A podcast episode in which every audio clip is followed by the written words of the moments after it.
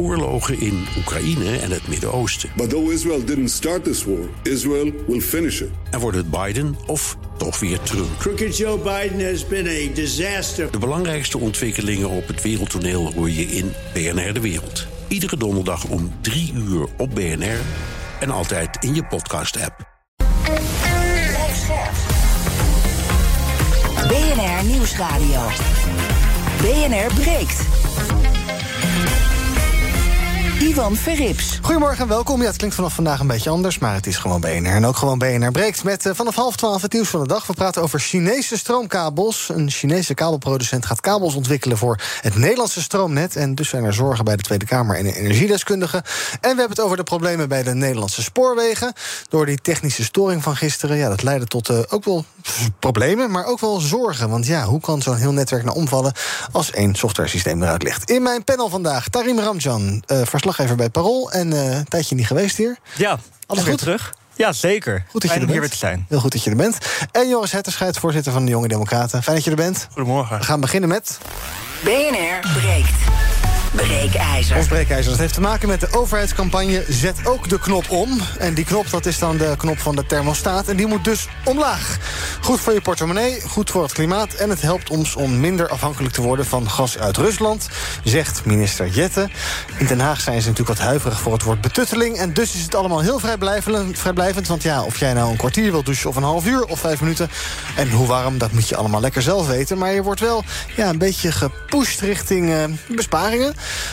Ons breekijzer vandaag is... zonder dwang is oproepen tot energiebesparing onzinnig. Wat vind jij? Misschien vind je dat dwang de enige manier is... om met z'n allen deze crisis te lijf te gaan. Maar er moet ook echt iedereen meedoen, dus ook de industrie en ook de bedrijven. Of denk je, nee, dwang hoort gewoon niet bij Nederland... daar moeten we niet aan gaan beginnen. Maar dan ben ik wel benieuwd. Doe je zelf mee? Bespaar je mee? Heb je nog tips zelf? Ik hoor het heel graag. Ons telefoonnummer is 020 468 4 keer 0 020 468 4 keer 0 En als je niet wil bellen, maar wel wil stemmen... dan kan het via de stories van BNR Nieuwsradio op Instagram. Maar het leukste is als je even belt. 020 468 4x0. Dan spreek ik je zo meteen in de uitzending. Ik ga erover praten met uh, uh, natuurlijk mijn panelleden, maar ook met twee gasten. Met Bert Pol, oud-lector overheidscommunicatie aan de Hogeschool Utrecht. Hij is expert op het uh, gebied van effect van massacommunicatie. En met Ben Ernens. Hij is energiecoach voor de gemeente A en Hunze. En dat is in Drenthe. Bert en Ben, goedemorgen allebei. Ja, goedemorgen. Bert, ik begin bij jou. Onze breekijzer vandaag. Zonder dwang is oproepen tot energiebesparing onzinnig. Wat vind jij? Nou, nee, Uh, nee. dat is niet waar. Oh, even bij Bert begint. uh, Bert, ja. Oké. uh, nee, dat is niet, uh, niet zo. Uh, want als je dwingt, dan heeft het ook allerlei uh, ongewenste psychologische effecten. Als je het op een andere manier formuleert, zoals het nu gebeurt, uh, dan betekent dat vaak dat. Um, uh, nou, je, je, doet een aantal kleine verzoeken. Dat betekent dat. Of kleinere verzoeken. Dat geeft mensen de keuze. Dat is al belangrijk voor, uh, voor het voorkomen van weerstand. Bovendien, als mensen één ding doen, dan betekent dat ook vaak dat ze erover na gaan denken. En dat leidt dan ook tot ja, meer intrinsieke motivatie. Mm-hmm. Um, als je alles tegelijkertijd vraagt of gaat dwingen, dan zorgt het vaak voor dat je in een wat een heet verwerpingsgebied terechtkomt. En dan zeggen mensen, ja, dat ga ik niet doen. Kijk wel uit. Ja. En dan ben je een eind van huis. Terwijl als je kleinere dingen doet, dan accepteren mensen dat makkelijker. Dus Ja. op zich vind ik, het, eh, vind ik het heel goed om het zo te doen en niet met dwang te werken. Ja, dus jij bent wel voor deze aanpak. Heb je het idee dat deze eh, aanpak... want ik heb bijvoorbeeld nog niet de, de, bushokjes volgezien... en de tv-zenders helemaal volgezien met advertenties hiervoor. Er is geloof ik wat in de kranten geweest afgelopen weekend... maar dat moet je natuurlijk wel fors aanpakken dan. Of kan je het ook te, te, te groots aanpakken? Ja, misschien wel. Misschien komt er dan een. Uh, je- je moet het wel fors aanpakken in die zin. Dat is wel belangrijk dat er steeds een herhaling is. In plaats van dat je het maar één keer ziet. Maar als je het gefaseerd aanpakt, hè, dus een aantal stappen, is het ook heel goed. Je moet toch wel een, mensen een aantal keren opwijzen. En dan vervolgens naar alleen die. Um, uh, die massamediale uiting in, in bushokjes en dat soort dingen in de krant... moet je ook wel zorgen dat het op allerlei media terechtkomt... die mensen ook frequenteren als ze zoeken op internet bijvoorbeeld... of als met social media bezig zijn. Maar de, die herhaling, dat is op zich een belangrijke feit... en ook heel gediversifieerd naar het mediagebruik van, de, van mensen. Ja, Ben, mensen. wat vind jij? Zonder dwang is oproepen tot energiebesparing onzin. Nou, er moet wel een, en, en er echt inderdaad een, een, een, een beetje dwang bij zijn en, en motivatie. Dus, maar het is, uh, men, een overheid denkt ook, nu, nu ze daarmee komen, denkt ze dan van, uh, ik heb het gevoel erbij dat ze zeggen, jongens, dat hebben we weer gedaan, dat kunnen we afvinken, want we hebben de, de, de, de mensen, die hebben we middels advertenties, hebben die toch gezegd dat het allemaal zo moet. Maar ik ben van mening dat het een, een, een hele lange weg is en eigenlijk een uh, weg naar bewustwording van waar ben ik, waar ben ik eigenlijk mee bezig. En sommigen die zijn uh, de, de, de, mensen die uh, zijn zich er helemaal niet bewust van. Die, die zeggen van ja, maar ik, hoe mijn energie betaal ik maandelijks wordt automatisch afgeschreven. En dan is dat, dat is al een begin direct al het punt dat ze het niet weten welk bedrag ze eraan aan, aan kwijt zijn. Ja. Nu, nu eigenlijk wel met, de, met die nieuwe contracten die gemaakt moeten worden, waar ze in één keer van 80 op, op, op 300 euro komen. En, en, nu zeggen ze, hoe, hoe kan dat eigenlijk allemaal? Ja, ja. omdat men verzuimd heeft om, uh, om zeg maar bewust al, en, de voorbije tijd, al de maatregelen te, nemen die dus die energiebesparing in feite eigenlijk geven. Ja, maar denk je dat deze campagne een beetje aankomt in aanhunsen? Zijn mensen nu sidderend op deze ochtend en staat jouw telefoon rood gloeiend of valt het mee? die komen, nee, eigenlijk helemaal niet. Wij, wij hebben en wij hebben en Rolde hebben ook een, een in feite eigenlijk een stichting die heet Rolde Energie Neutraal. Mhm. -huh. En dat is vorig jaar zijn we daarmee begonnen om, om uh, ook middels uh, ja, zon op, meer zon op het dak te krijgen. Niet alle, alle weilanden, maar meer van er zijn zoveel daken van mensen, van huizen en van, van bedrijven waar prima zonnepanelen op kunnen en dan via een coöperatievorm om dat wat in te doen. Ja. En, en, die, en we hebben vorige week woensdag hebben we, en dat was eigenlijk een heel goed bezochte avond, hebben we, hebben we een avond over isolatie gehad. Om mensen toch eens even, even die mensen die er toen waren, van, er waren toch eigenlijk een, een kleine honderd mensen, om die toch bewust te worden van jongens, van begin met isolatie, trias energetica, doe er wat aan. Zorg dat je in feite eigenlijk minder verbruikt. Maar ik heb eigenlijk, ik wil even de overheid nog eigenlijk even treffen. Want ik heb uh, twee voorbeelden die daar, uh, die daar heel bepalend voor zijn. Ja. Eh, ik was bij, uh, bij het provinciehuis bij een seminair. Nog niet lang geleden, veertien dagen of drie weken terug. Ja. En was ik bij een seminair. En dat ging eigenlijk ook over biocentrales en over energiebesparen en dergelijke allemaal. En dan kom je in dat grote provinciehuis in Drenthe. Mhm. En de zon die scheen prachtig. En je kwam in een hele grote hal, aula hal, laat ik Ja. het zo zeggen. En de, daar zaten heel veel ramen in. Maar tussen elke raam waren stijlen. En die stijlen waren voorzien van verlichting. En die verlichting was aan. Ja, dat is niet nodig dus. Hou, Ja, dat, hou, dat is hou, niet hou- nodig. hou dat tweede voorbeeld even bij je en dan komen we er zo op terug. Ga ik eerst even een kort rondje panel doen en naar wat bellers, want het is erg druk. Ja. Ons breekijzer zonder dwang is oproepen tot energiebesparing onzinnig. 020 468 4 keer 0 is ons telefoonnummer. Tarim, ben jij voor eh, strenge regels? Nee, ik denk dat je inderdaad moet oppassen met dwang, want dan gaan mensen meteen stijgeren en dan kweek je eigenlijk nog minder draagvlak. Dat gezegd hebbende, denk ik dat je wel een parallel kunt trekken met bijvoorbeeld iets als minder vlees eten. Dat is ook iets, als je de meeste mensen vraagt, moeten we daar wat aan doen, dan heeft iedereen daar de mond vol van. Maar het is moeilijk om daar zelf je gedrag in te veranderen en zelf te kijken, oké, wat kan ik nou concreet doen? Dus je moet mensen daarin eigenlijk ondersteunen en een soort positieve motivatie kweken. Ja, dus je moet goed gedrag stimuleren. Goed gedrag En- stimuleren en concrete alternatieven aanbieden. Gewoon echt aan mensen vertellen van... hé, hey, dit kan jij doen. Mhm. En het is veel minder moeilijk dan je denkt. Uh, en misschien moet je beginnen met laaghangend fruit. Ja. En je denkt wel dat mensen bereid zijn om dat te doen. Want inderdaad, er zullen ook mensen zijn die hebben energierekening betalen... maar elke maand fluitend. En ja, who cares of je nou 8 of 10 of 12 of 16 minuten doucht. Als je ze ervan bewust maakt wat ze betalen... Uh-huh. dan, uh, dan gaat er opeens mensen- een balletje rollen, denk Ja, ik. Joris, Ja. wat heb jij aangepast in je leven sinds afgelopen zaterdag? De verwarming eh, niet aan. Ja? Ik, ik heb lekker een dekbedje op, op- de ja, bank. Je hebt nu geen trui aan, dus het eh, is hier trouwens best koud. Maar het komt door de airco, dus die moeten we eigenlijk ook even af, ga ik gelijk doen. Vertel even wat jij van de stelling vindt. Onze breekijzer. Zonder dwang is oproepen tot energiebesparing onzinnig. Ik ben het eigenlijk helemaal met jou eens. Ik denk dat die voorlichting heel belangrijk is. En laten zien eh, wat mensen kunnen doen en ook wat het effect daarvan is. Want ja, dwang lijkt me sowieso een heel slecht idee. Want dan gaan- mensen alleen maar, dat werkt alleen maar averechts. En ik ben benieuwd hoe, hoe je dat wil gaan doen. Of dat mensen, Mhm. je dat, kan- de over, dat de ambtenaren bij mensen thuis komen. Kijken hoe lang mensen gaan douchen. Je kan misschien energie op de bon doen of eh, eh, dat soort zaken. dat, laatste redmiddel als je het mij vraagt. Ja. Nou, dan gaan we dat voorlopig niet doen. Als we daar Nee, lijkt me een heel slecht idee. Oké, laten we kijken of onze, wat onze luisteraars ervan vinden. 020 468 4 keer 0 Ardi, goedemorgen. Goedemorgen. Zeg het maar. Nou, heel simpel. Eh, die dwang, die, die, daar moeten ze sowieso niet aan beginnen. Eh, iso- isoleren is goed. Eh, ondersteunen van mensen is ook goed. Maar als ik naar mezelf kijk bijvoorbeeld. Mijn thermostaat staat standaard op 21 graden. Zet ik hem lager, ik ben rolstoel. Ja. lig ik in de kortste keer in het ziekenhuis. Dus als ze dat willen... eh, dat, want er zijn heel veel mensen, ook ouderen, die, die kunnen dat niet. Die hebben gewoon die warmte nodig. Als ze dat willen, dat, dat daardoor andere kosten omhoog gaan... dan moet je dat vooral gaan doen. Ja, vind je het ook een beetje een asociale oproep dan om te zeggen... zet je thermostaat op 18 graden? Want voor heel veel mensen kan dat dus helemaal niet. Nou, die kreet inderdaad wel. Wat de man bij jou in de studio zegt, ben ik het helemaal mee eens. Dat je zegt van eh, bedrijfsdaken waar nog veel meer zonnepanelen op kunnen. Zodat andere mensen die geen zonnepanelen kunnen plaatsen, daar gebruik van kunnen maken. Dat soort zaken zal heel goed kunnen. Duidelijk, dank voor het bellen. Bas, goedemorgen.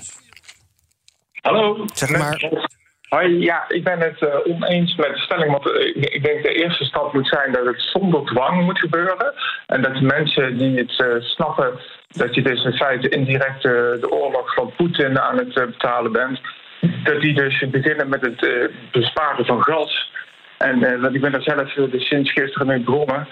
Eh, en eh, naar de genocide in Butsja. En eh, eh, dus ja, ik heb eh, gewoon de, de thermostaat naar 19 graden gezet, kort douchen. En als je dan in mijn werkkamer staat, die nou wel een elektrisch kacheltje aan. Ja. En nou goed, we moeten ons ook realiseren dat natuurlijk ook Poetin zelf de gaskraan kan gaan dichtdraaien. En dan Ja, eh, zijn die mensen die nou al deze stap aan het maken zijn, wel eh, gedeeltelijk op voorbereid. hè? ja. En is dat voor jou het, het, het belangrijkste argument? Rusland, niet zozeer dat je er geld mee bespaart... of dat het klimaat ermee geholpen wordt, of is het allemaal bij elkaar?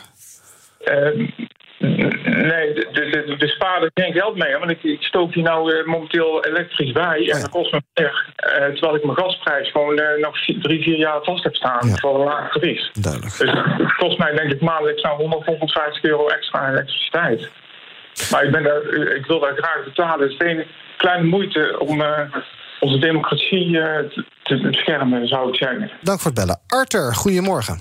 Ja, goedemorgen, met Arthur inderdaad. Ehm, ik wou eigenlijk, mijn mening is dat de stelling een beetje onzinnig is. Omdat het niet zozeer is dat wij ge- al dan niet gedwongen moeten worden door de overheid. Maar dat de overheid gedwongen moet eh, worden om zich aan de milieuregels te houden. Welke? Eh, allemaal. Ja. De, de overheid die heeft structureel dat zij de eh, wetten overtreden. Eh, artikel 21 van de grondwet wordt gewoon door ze aan de laars geklapt. Met, met het eh, eh, onbestendige klimaatbeleid dat ze hebben. Daarnaast is dwang zonder controle is waanzin. Er zijn al heel veel regels, zowel voor burgers als voor, over, eh, als voor eh, be- bedrijven. Maar de overheid controleert er niet op, of niet voldoende. Ja, dus wat heb je dan aan dwang als er toch niet gecontroleerd wordt? Ja, duidelijk, gaat niet werken, zeg je. Dus dank voor het bellen. Tot slot van dit blokje nog eventjes. Diederik, goedemorgen. Ja, goedemorgen. Veel mannen weer. Zeg het maar. Ja, nou ja, er is in principe geen tekort. Er is meer onzekerheid. Dat is de reden van de hoge prijzen. Eh, maar ik heb eigenlijk een ander probleem. Want als je kijkt naar corona. En toen was het in 2017, 2018. Wisten wij dat de IC zo vol werd. was een tekort. Nou, Rutte ging verder bezuinigen. En te raden dat je 2020 lockdowns en moest de bevolking inderdaad alle draconische maatregelen accepteren om Rutte's problemen op te lossen. Nou, en vervolgens gaat hij ruzie maken. Even, ik kan toelichten, dat doen we niet, maar ruzie maken met Rusland. eh, met een puinhoop als gevolg. En eh, gaat ondertussen hier de boeren wegpesten en de gaskraan hier dichtdraaien. Terwijl je dan dus ruzie maakt met de grootste graanproducent en energieproducent van de wereld, zo'n beetje. Ja. op, op Amerika na. Ehm, ja, moet niet gewoon de politiek gedwongen worden om nou eindelijk eens een keertje na te denken, ophouden met het verschrikkelijke beleid en een visie te ontwikkelen. Dus jij zegt vriendjes, blij- vriendjes blijven met Rusland. Hè, dat ze dan zo'n land... Nou, eh, ja, ja, nee, nou ja, kijk, laten we daar duidelijk over zijn. We zijn vriendjes met Saoedi-Arabië en die martelen vrouwen op straat dood en die onthoofden mensen. Dus eh, wij zijn vriendjes met zeer dubieuze regimes. Dus als wij vrienden worden met Rusland, dan kunnen wij hun zekerheid geven over de toekomst. En dan kan die oorlog misschien dus ook eindigen, wat prettig is voor ons, voor Russen en voor de Oekraïners. Dank voor het bellen, Diederik. BNR breekt. Ivan Verrips. Met in mijn panel vandaag Tarim Ranjan van het Parool... Eurozetterscheid van de Jonge Democraten. Ook bij me zijn eh, Bert Pol. Hij is eh, expert op het gebied van massa, communicatie... en energiecoach Ben Ernest. En we gaan ook nog even luisteren naar Rob Jetten. Die zei bij het start van de campagne zei hij dit. We geven vanuit de overheid het goede voorbeeld. Tot is. Kijk. Yes. Nou, dat was dus blijkbaar een thermostaat die omging. Niet heel erg aansprekend, maar oké. Eh, Bert, ik zei het net al, er zijn dus eigenlijk drie doelen voor deze campagne. Goed voor je portemonnee, goed voor het klimaat... en het helpt ons om minder afhankelijk te worden van Rusland. Is dat niet een beetje onduidelijk? Moet je niet gewoon één doel kiezen? En nu uh, ja, doe je het voor van alles en nog wat uh, energie besparen. Nee, er zijn natuurlijk altijd... Er zijn mensen die uh, voor, voor, voor één doel kiezen. En dat is helemaal niet, uh, niet uh, verkeerd. Hè. Voor wie één doel het belangrijkste is. Hè. Bijvoorbeeld besparen. Anderen zijn erg geraakt door wat in Rusland gebeurt en kiezen daardoor. En ook door de afhankelijkheid van het buitenland. Hè. Dat is steeds duidelijker dat dat, dat dat slechte of onmenselijke consequenties heeft. Dus dat kan dat een belangrijke reden zijn. En het klimaat is weer een andere. Dus ik denk dat het goed is. Mensen reageren toch vooral op, het, op wat ze herkennen. Uh, en dat is, uh, dat is dus op zich een goede strategie. Maar er is ook niet één reden. Hè? Dus niet verkeerd. Ja, um, uh, ja wat, wat heb jij eigenlijk gedaan, Tarim, in je leven nu sinds zaterdag? Of ben je al langer hier bewust mee bezig? Uh, ik doe de verwarming al langer uh, een stuk lager. Hm? En uh, zoals je ziet heb ik een trui aan. Ja. Het ook wel lekker truien weer. Mm -hmm. um, ik heb op zich het geluk dat in mijn studentenwoning... dat ik een vast bedrag voor energie betaal. Dus kun je hebben de blubber stoken van vast bedrag. Exact. Heerlijk. Ik kan me helemaal asociaal gedragen ja. als ik dat wil. maar dat doe ik niet. Het wordt ook wel heel warm. Um, nee, ja, dat eigenlijk, ja. Ja. ja. Um, laten we ook nog even luisteren, want daar doet het dan toch gelijk aan denken aan uh, die, die toespraak van Den L in 1973. Um, ik heb het niet meegemaakt levend. Ik denk de mensen hier in de studio ook nee, niet. Toen was ik min 25. Ja, ik was ook vrij jong nog. Ik denk uh, misschien wellicht een van onze mensen aan de telefoon. Wel, nou, we gaan even luisteren. Gisteren heeft de regering besloten dat benzine alleen nog op de bon te krijgen zal zijn. Houdt u aan die 100 kilometer maximum op de weg. Wees zuinig met elektriciteit. Zet de verwarming wat lager en eerder af. Zo bezien keert de wereld van voor de oliecrisis niet terug. Het was een kleine montage. Bert, zou het goed zijn als uh, we Rutte ook gewoon weer in het torentje zagen? Deed hij met corona ook, dus dat kan nu toch ook? Ja, ja, ik weet dat niet. Uh, dat die gesprekken naar torentje, die, ja, op een gegeven moment krijg je misschien wat te veel gesprekken in het torentje. Dan lijkt, je, dan lijkt het of je van de ene crisis in het land naar de andere terechtkomt. Dus ik denk dat dat ook niet zo goed is. Overigens vind ik het wel grappig. Uh, dat is maar een, een, een saillant detail hoor. Maar dat oproep van een uil destijds, dat was omdat men een nieuwe koude periode uh, veronderstelde. Ja. En dat is precies het tegenovergestelde van nu. Maar dit terzijde. ben, waar, waar, lopen mensen in, jou, in jouw gemeente het meeste tegenaan? Is dat inderdaad isolatie? Is dat het belangrijkste? Nou, isolatie, isolatie. Uh, uh, ja, laat ik het dan zo zeggen. Men heeft, men heeft redelijke uh, huizen. Je hebt huizen in gradaties wat, qua, qua isolatie. Dus halfsteensmuren, hoe heet het, muren met, met, met een spouwmuur, met isolatie daartussen. Het ligt een beetje aan de, aan de bouw, bouwjaar van, van de woning als zodanig. De, de een die dus na, noem het maar even, na 2000 gebouwd zijn, die hebben een redelijke isolatie. Maar daarbij, daar kom ik direct op het punt die, die ik toch even wil hebben. Ventilatie is ook eigenlijk heel belangrijk. Daar hebben wij in die coronatijd eigenlijk wel meegemaakt. En als je, als je dan naar, naar de, de scholen bekijkt in zo'n zo'n plattelandsgemeente als Huns in feite eigenlijk is, die, daar, daar voer ik met, met de gemeente wat, wat strijd tegen tussen haakjes.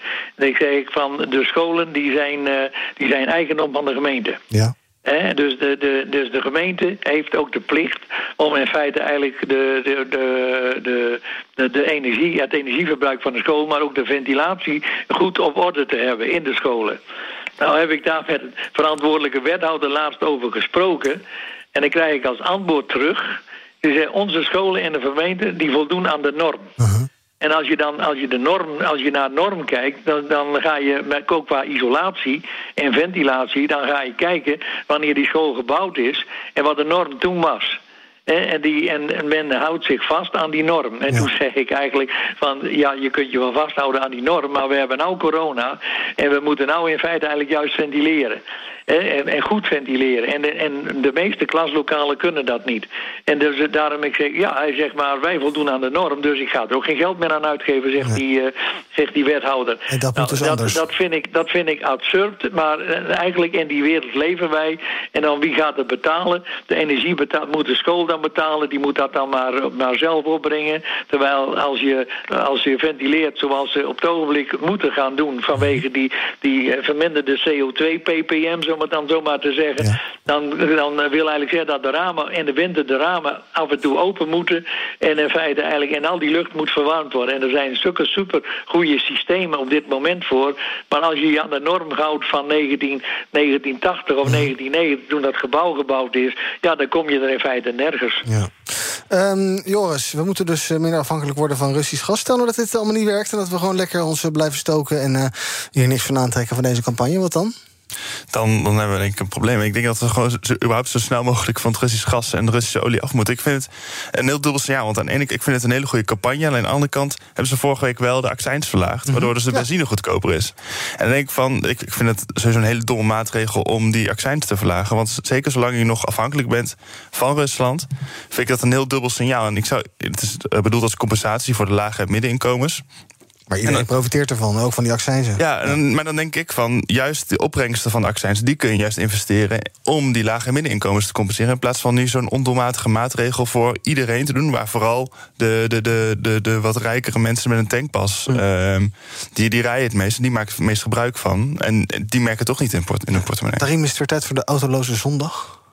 Nou, ik denk dat dat überhaupt geen slecht idee is, een autoloze zondag. Ik denk dat uh, zeker in de steden uh, de, de leefbaarheid wel ten goede komt. Mm -hmm. En over die accijns, het is inderdaad een, een, een, een spoedmaatregel geweest. Van, oh, we moeten iets, nou, dan gaan we dit maar doen.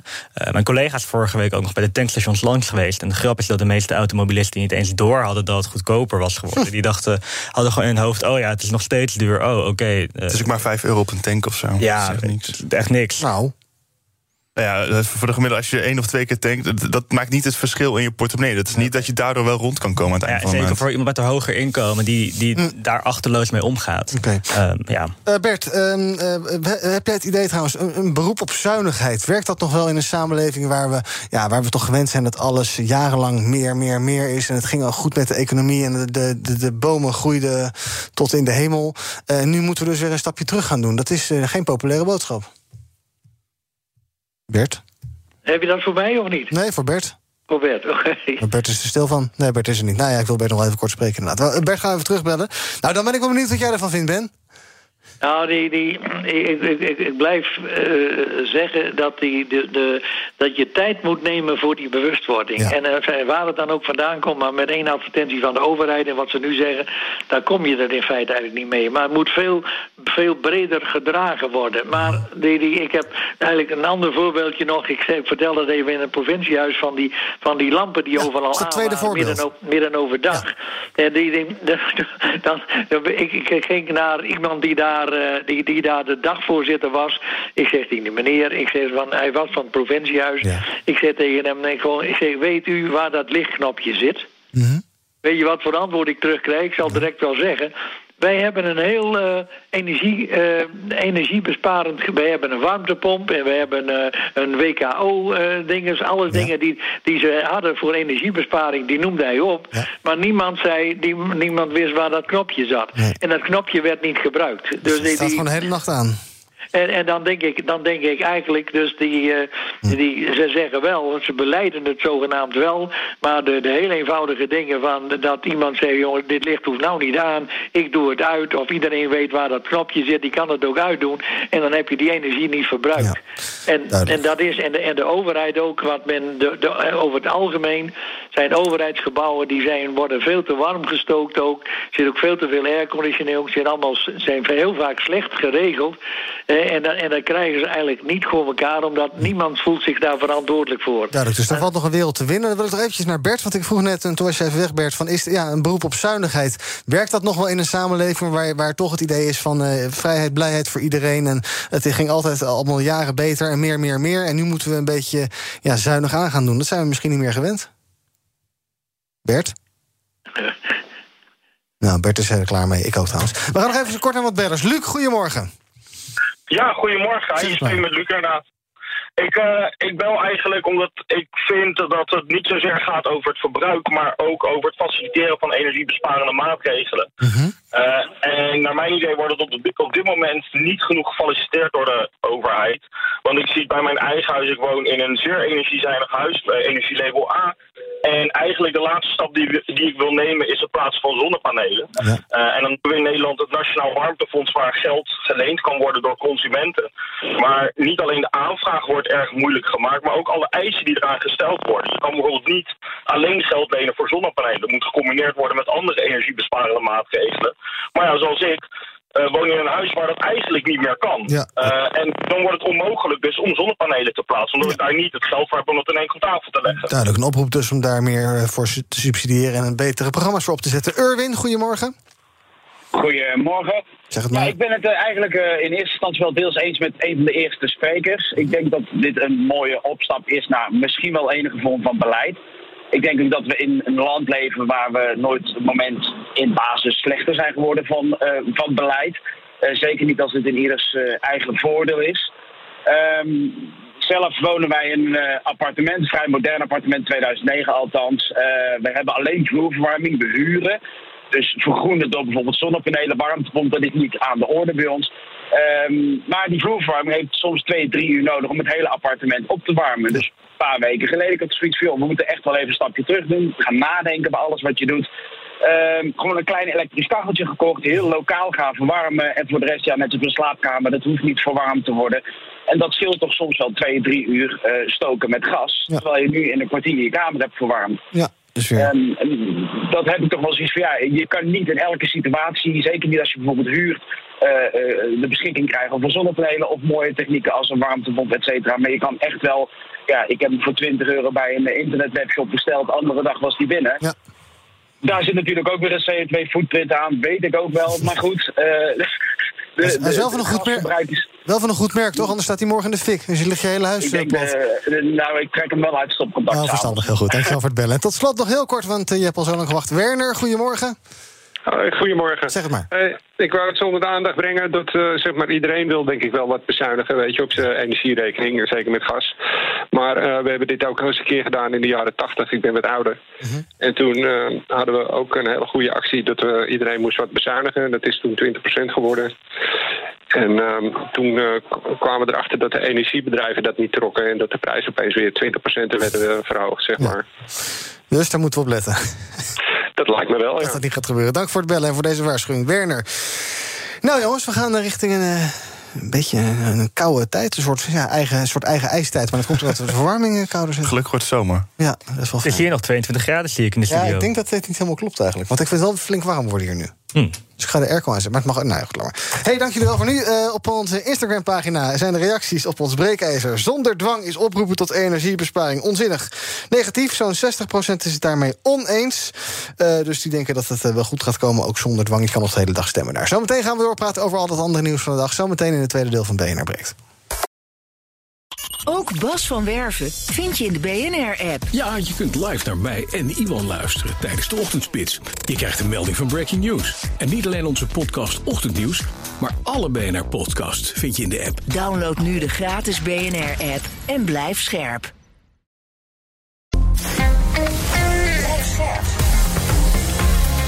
BNR Nieuwsradio. BNR breekt. Welkom terug. Ivan Verrips. Met in mijn panel vandaag Joris Hetterscheid, voorzitter van de Jonge Democraten... en Tarim Ramjan, verslaggever bij het Parool. We gaan praten over het nieuws van de dag. En dat beginnen we toch maar eventjes in uh, in uh, Oekraïne. Uh, we hebben de beelden daarvan allemaal gezien, denk ik, op de uh, internationale nieuwsmedia. Daar is echt een drama gebeurd. En als gevolg daarvan is de roep om nieuwe sancties tegen Rusland neemt die toe. Um, Emmanuel Macron zei op de radio dat er zeer duidelijke aanwij aanwijzingen zijn... dat ja, de Russen daar oorlogsmisdaden hebben gepleegd. Hij pleit voor maatregelen, wordt het net ook in de nieuwsupdate... als het gaat om uh, olie en steenkool.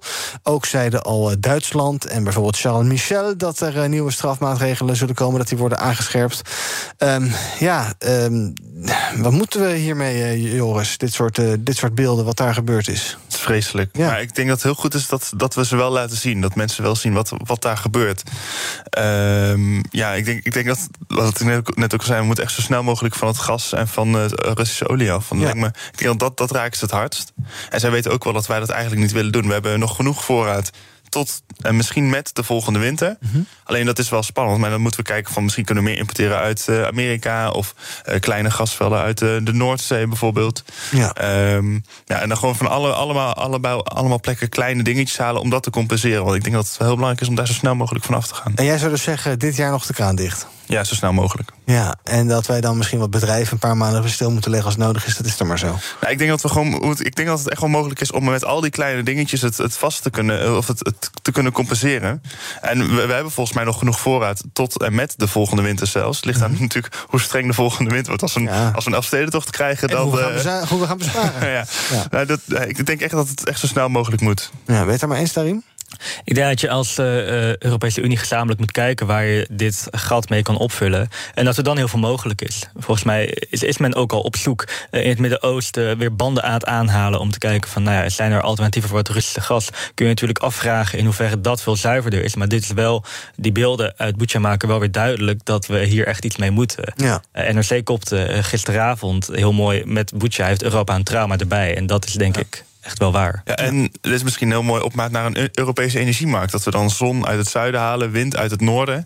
En dan als, als we dat hiermee kunnen beginnen, dan zou we dat fantastisch lijken. Ja, alleen die infrastructuur ligt er bijvoorbeeld niet om eh, zon uit het zuiden te Nee, halen. dat, dat, dat, dus is dat ook kan je een niet meer morgen lange termijn. regelen. Dat klopt. Dus maar ja. misschien, misschien voor volgende winter. Ik weet niet hoe, hoe complex het allemaal is. Uh-huh. Maar in ieder geval, om daarmee te beginnen, lijkt me dit een mooi punt. We hebben nog tijd tot volgende winter, zeker. Ehm, is dit niet ook een teken... Even, eh, er we moeten allemaal onderzocht worden uiteraard... wie dit gedaan heeft, enzovoorts, enzovoorts. Ehm, als we zeggen, eh, Rusland heeft dit gedaan... en er gebeurt nu niks... is dat niet ook een teken van dat je blijkbaar kan doen in Oekraïne wat je wil... en dat het land eh, zijn gang kan gaan? Want wij gaan toch niet ingrijpen, want eh, ja, NAVO, dus dat vinden we eng.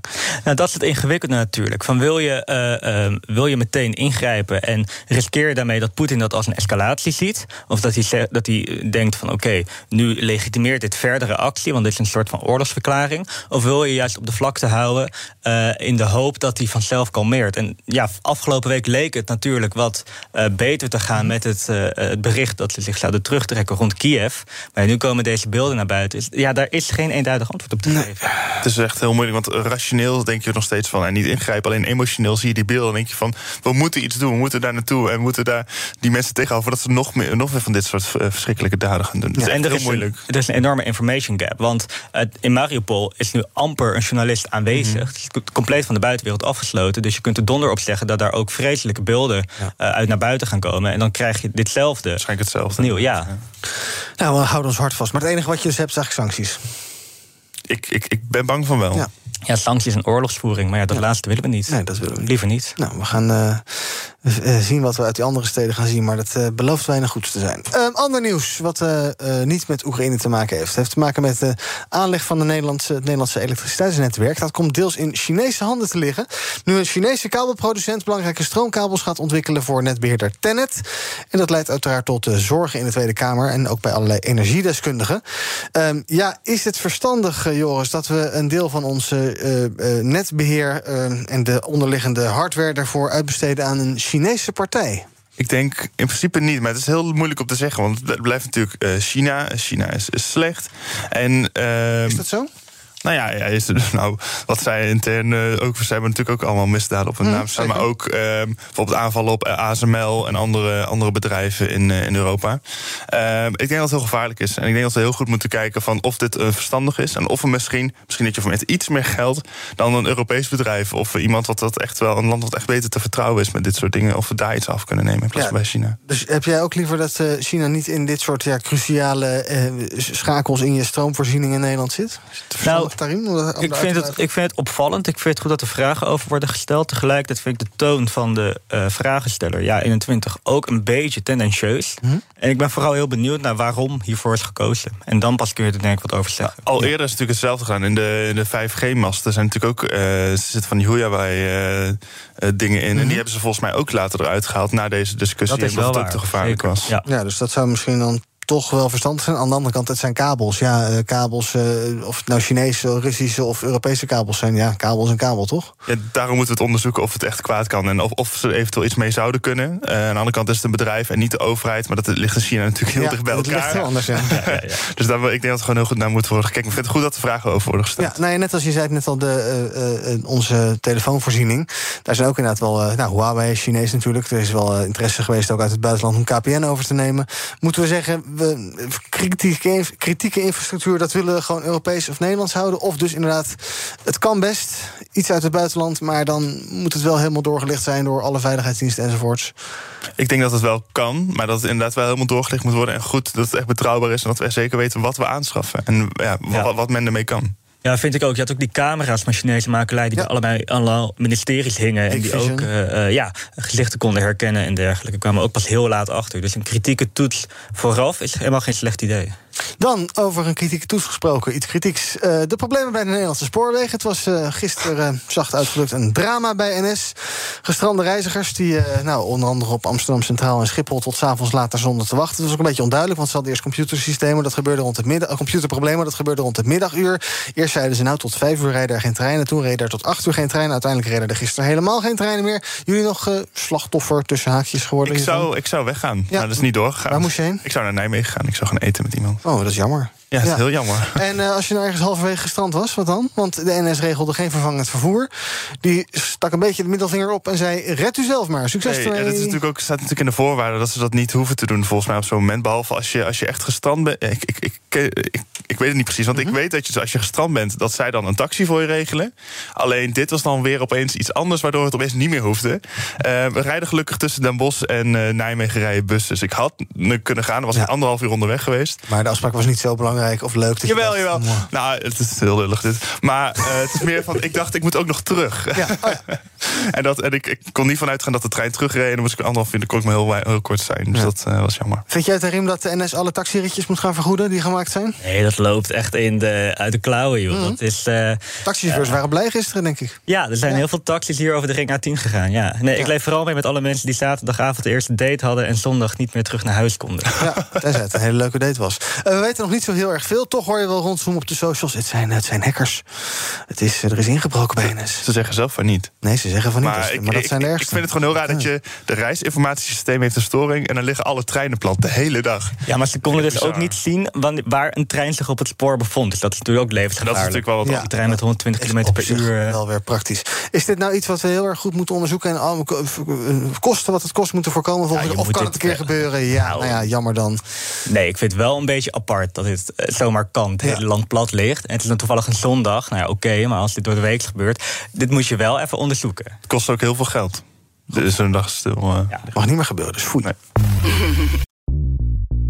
BNR ben je altijd als eerste op de hoogte van het laatste nieuws. Luister dagelijks live via internet. Bas van Werven. En heel langzaam komt de zon op rond dit tijdstip. Je krijgt inzicht in de dag die komt op BNR, het Binnenhof in Nederland en de rest van de wereld. De Ochtendspits. Voor de beste start van je werkdag. Blijf scherp en mis niets.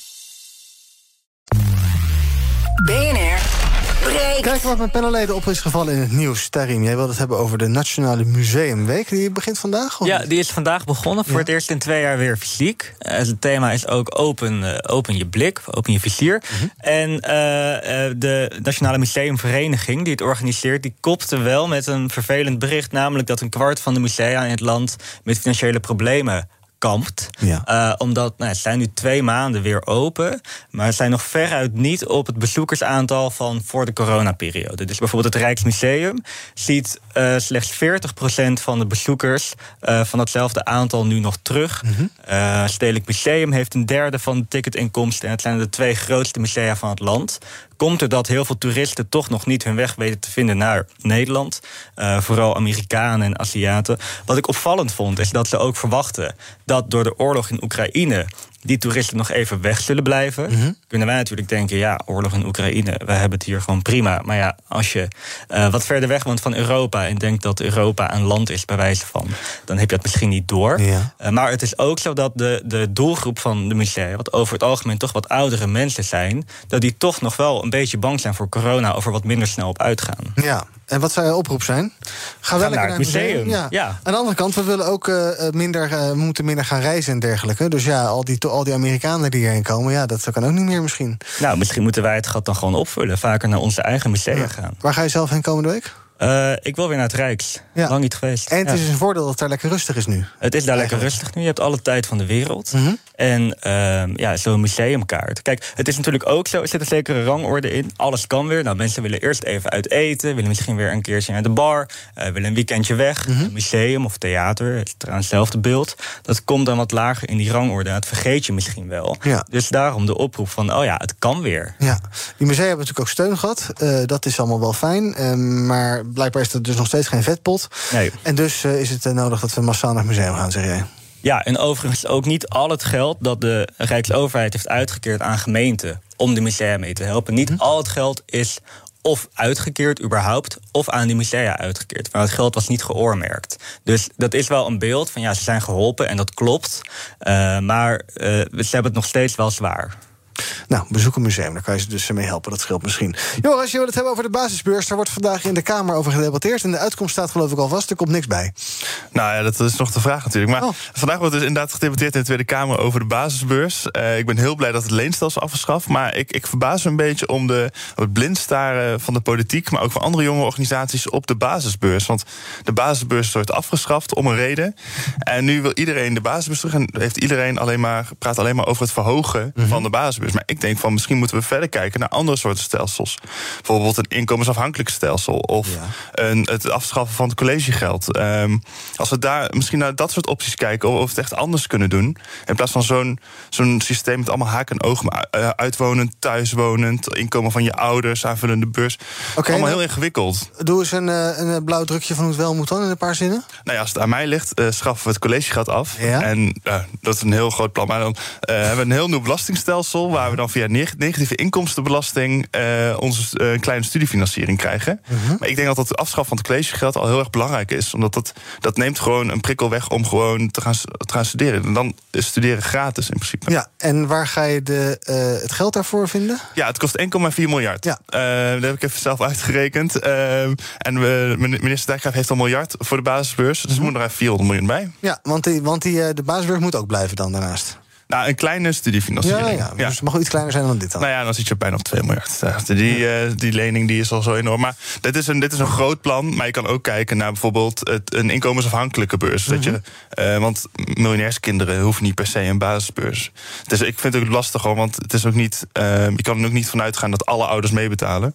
Maar in principe, ik denk dat miljonairskinderen niet heel erg om het geld zitten. Dat je bij een eh, inkomensafhankelijke beurs gewoon voor de laagste inkomens gewoon hoog. En dan gewoon langzaam aflopen tot het inkomen van een ton van hun ouders bijvoorbeeld. En dat je daarna gewoon het leenstelsel hebt of nog een kleine basisbeurs. Want dit was ooit het idee van het sociaal leenstelsel, toch? Dat niet de eh, advocatenzoon eh, eh, eh, geld krijgt van de overheid om te studeren, zoals bij de basisbeurs het geval is. Maar dat de bakkerszoon eh, dus wel en die aanvullende beurs krijgt en daarbij kan lenen. Maar op papier, op papier als leenstelsel ook, was het een prima plan. We zijn zelf ook ooit eh, voor geweest. Alleen de dingen eromheen maken het gewoon dat het eigenlijk een, een, een slecht is. Ik denk dat we daar ook nog naar moeten kijken. Want met alleen de basisbeurs is het niet klaar. Het is nog steeds dat je schuld meetelt met je hypotheek. Eh, het is nog steeds dat er te weinig wordt geïnvesteerd in het onderwijs. Dat, dat gaat nu beter, dat wordt echt goed. Alleen dat, dat zijn dingen die ook nog opgelost moeten worden. Een krappe arbeids, of een eh, flexibele arbeidsmarkt waar heel veel jongeren in zitten. Dat zijn ook gewoon hele grote problemen die nog losstaan van de basisbeurs. Dus- Dus met alleen de basisbeurs kom je dit niet. Ja, Tarim Dijkgraaf heeft dus een miljard beschikbaar. Daarvoor eh, kan hij dit aan regelen. Eh, die 255 euro per maand voor uitwonende studenten... of 91 voor studenten die thuis wonen. Wat geloof ik lagere bedragen zijn dan eh, vroeger... terwijl de kosten toch enorm gestegen zijn. zeker, ja. Daarnaast dan 1040 eh, of 1400 euro compensatie... voor slachtoffers van het leenstelsel. Wat natuurlijk niet zoveel is. Nee. Ja, die miljard, daar kom je daar natuurlijk niet mee. Nee, Dus nee. wat moet het wel zijn? 2 miljard, plan van de Joris maar gaan uitvoeren? Nou ja, ik, ik weet niet hoeveel miljard dat is, maar het is een abominabel laag bedrag. Eh, alleen al die compensatie, dat, weet je, de gemiddelde schuld is volgens mij. eh, eh, ik ben me niet op vast 15.000 euro. En met die compensatie kom je uit in totaal op 3.000, 4.000 euro. En dat, dat slaat natuurlijk nergens op. Want door het leenstelsel zijn de schulden veel hoger dan wat men onder een basisbeurs had geleend. Krijg nog een voucher? Ja, je kunt kiezen of je dit in cash betaald wil krijgen... of wel korting op je studieschuld, eh, studieschuld... of in een voucher. En die voucher kun je pas vijf jaar na afstuderen inzetten... eh, voor bijscholing. En die vervalt weer tien jaar na afstuderen. Nou ja, het is echt een toestand. Maar jij denkt dat het kabinet wel naar meer geld op zoek moet gaan? Op- ja, maar ik, ik vrees dat dit weer eh, eh, ergens op een of andere achterbank komt. Nou, kijken of de oppositie daar nog iets eh, weet los te wrikken. Gaan we tot slot nog even kijken wat er trending is op de socials. Ik noem een enorme looproute. Plantjes, fonteintjes, vissen, vogels, kerst. Dan denk je natuurlijk gelijk aan het tuincentrum. Hashtag tuincentra is trending. Nu ook in het tweede coronajaar de omzet van tuincentra groeide. Consumenten hebben het echt ontdekt. We gaven de afgelopen twee coronajaren honderden miljoenen extra uit... aan zaken als bloemen, planten, schuttingen, vuurkorven... en de lelijkste tuinmeubels. Hashtag rederij Doekse is trending. De treinen reden niet. En dus kwam de boot van Terschelling naar Harlingen to the rescue. Op de boot hielp een stewardess mensen door via de microfoon... gestrande reizigers aan een autolift te helpen. Toch sympathiek. En dan tot slot... Ja, trending. Vandaag nadat het programma over de boerenliefde gisteren 3,1 miljoen kijkers trok... en daarmee ook meteen het best bekeken programma van de hele zondag was. Tot slot gaan we nog even hebben over Willem Engel, de voorman van Viruswaarheid. Die is eh, gisteren opnieuw aangehouden. Wij willen jullie er wel even Het is wederom een overtreding van de politie. En eh, kunnen jullie nog legitimeren? Want eh, jullie nemen hem nu wel zomaar mee. Ja, dat deden ze uiteindelijk niet. Nee, ze zei dat hoeft niet, ze deden het ook niet. En eh, Willem Engel ging mee naar het bureau. Hij is aangehouden omdat hij zich niet aan de opgelegde schorsingsvoorwaarden zou hebben gehouden, zegt het Openbaar Ministerie. En hij blijft tot en met morgen in voorarrest. Engel die mocht, is, wordt verdacht van opruimende berichten rondom het coronavirus geplaatst te hebben. Die is op voorwaarden vrijgelaten. Voorwaarden dat hij niet op sociale media dingen zou posten. Had hij zelf voorgesteld, geloof ik. Maar toen verscheen hij dit weekend in een filmpje bij Café Wel Weltschmerz. Om daar te bespreken wat er met hem aan de hand is. En eh, zijn advocaat was er ook bij, eh, jurist Jeroen Pols. En nu is hij dus weer aangehouden. En de vraag is een beetje: een filmpje bij Café Wel- Weltschmerz, is dat een post op sociale media of niet? Daarin. Volgens mij wordt dat alleen maar gepromoot via sociale media. Dus wat mij betreft wel. Maar hij heeft dat toch niet zelf gepost? Nee, maar hij, hij, het is opgenomen nadat hij is vrijgelaten. En hij heeft daar wel een hele prominente rol in. En zijn organisatie, waarvan hij leider is, plaatst dat filmpje. En dan ben je dus zelf ook aansprakelijk als voorman. Waarom? Omdat jij die organisatie leidt. Hmm.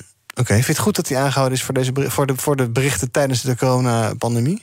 Ik weet niet wat OM hem ten laste gaat leggen. Dus nou ja, opruiming dus, iets um, in die slinger. Ja, daar zou, daar zou onderzoek naar moeten volgen. Ja, dat de rechter over moeten rechtspreken. Vind jij het een goed teken dat deze staatsgevaarlijke gek... want zo wordt hij toch weggezet, eh, vastzit? Ja, staatsgevaar. Ik vind het goed dat hij eh, is opgepakt. Want als je ziet de dingen die hij heeft, heeft gedaan, de, Mhm. de, de, de desinformatie, het openbaren van, van eh, adresgegevens van politici, dat, dat gaat gewoon veel te ver. En hier wordt ook weer gedaan alsof de politie. Er werd- stond gisteren op Twitter, hij werd heel hard aangepakt door de Ja, politie. Nou, daar is een filmpje hè? Ja. Er is helemaal niks aan de hand. En dat vorige filmpje ook, de eerste keer dat hij werd opgepakt, werd er ook door een, een vrouw gezegd: Ja, wat agressief, dit en dat. en je zag de politie hem gewoon echt nog net niet aaien. Dus dat- En het is gewoon een uiting. Het is, ik denk dat de afspraak gewoon is van geen uiting op social media. En als hij in een filmpje zit, is dat een uiting als het op social media staat. Ja, dus hij had beter moeten weten. Als Ja. hij, eh, maar dit is natuurlijk wel fijn. Nu kan, nu kan hij weer zeggen: zie je nou wel, de, de, de, Ja. het systeem is tegen me enzovoorts. Dus misschien ook wel. Hij is altijd. kan niet zeggen dat het bedoeld is, maar misschien dat hij er wel uh, slachtoffer uit was. Dat je vaak. Ben jij, vind jij dat hij aangeklaagd moet worden? Ja. Ja. Nou, dat is duidelijk. We gaan zien eh, wat de rechter daarvan vindt uiteindelijk... en of het eh, OM überhaupt tot een eh, aanklacht gaat komen. Dank jullie wel vandaag voor jullie aanwezigheid bij BNR Breek. Tarim Ranjan, verslaggever bij het Parool... en Joris Hetterscheid, voorzitter van de Jonge Democraten. Morgen dan ben ik er weer. Tot die tijd kun je ons volgen via de socials. Zoek maar even op BNR, dan vind je ons op YouTube, Instagram, Twitter... en tegenwoordig ook op TikTok. En eh, zometeen is Thomas hier met Zaken doen. Tot morgen. Ook Bas van Werven vind je in de BNR-app. Ja, je kunt live naar mij en Iwan luisteren tijdens de ochtendspits. Je krijgt een melding van Breaking News. En niet alleen onze podcast Ochtendnieuws, maar alle BNR-podcasts vind je in de app. Download nu de gratis BNR-app en blijf scherp.